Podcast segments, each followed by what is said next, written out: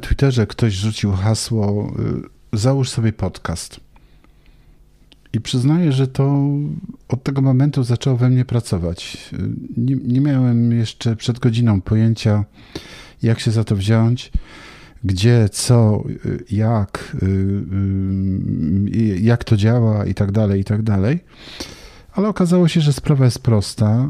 Szybko, po krótkiej kwerendzie w sieci dowiedziałem się, że istnieje serwis, który nazywa się, chyba tak to się wymawia, Encore, gdzie można założyć konto i, i takie podcasty tworzyć. I tak sobie myślę, że może to jest jakiś pomysł na ten trudny czas, w którym przyszło nam żyć.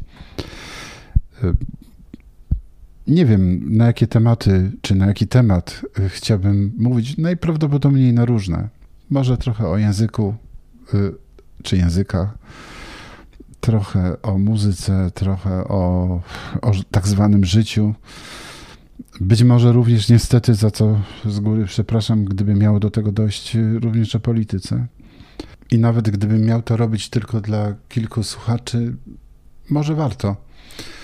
Y, tak czy owak, y, dziękuję, że dotrwałaś, czy dotrwałeś do tego momentu tej mojej gadaniny i serdecznie Cię pozdrawiam.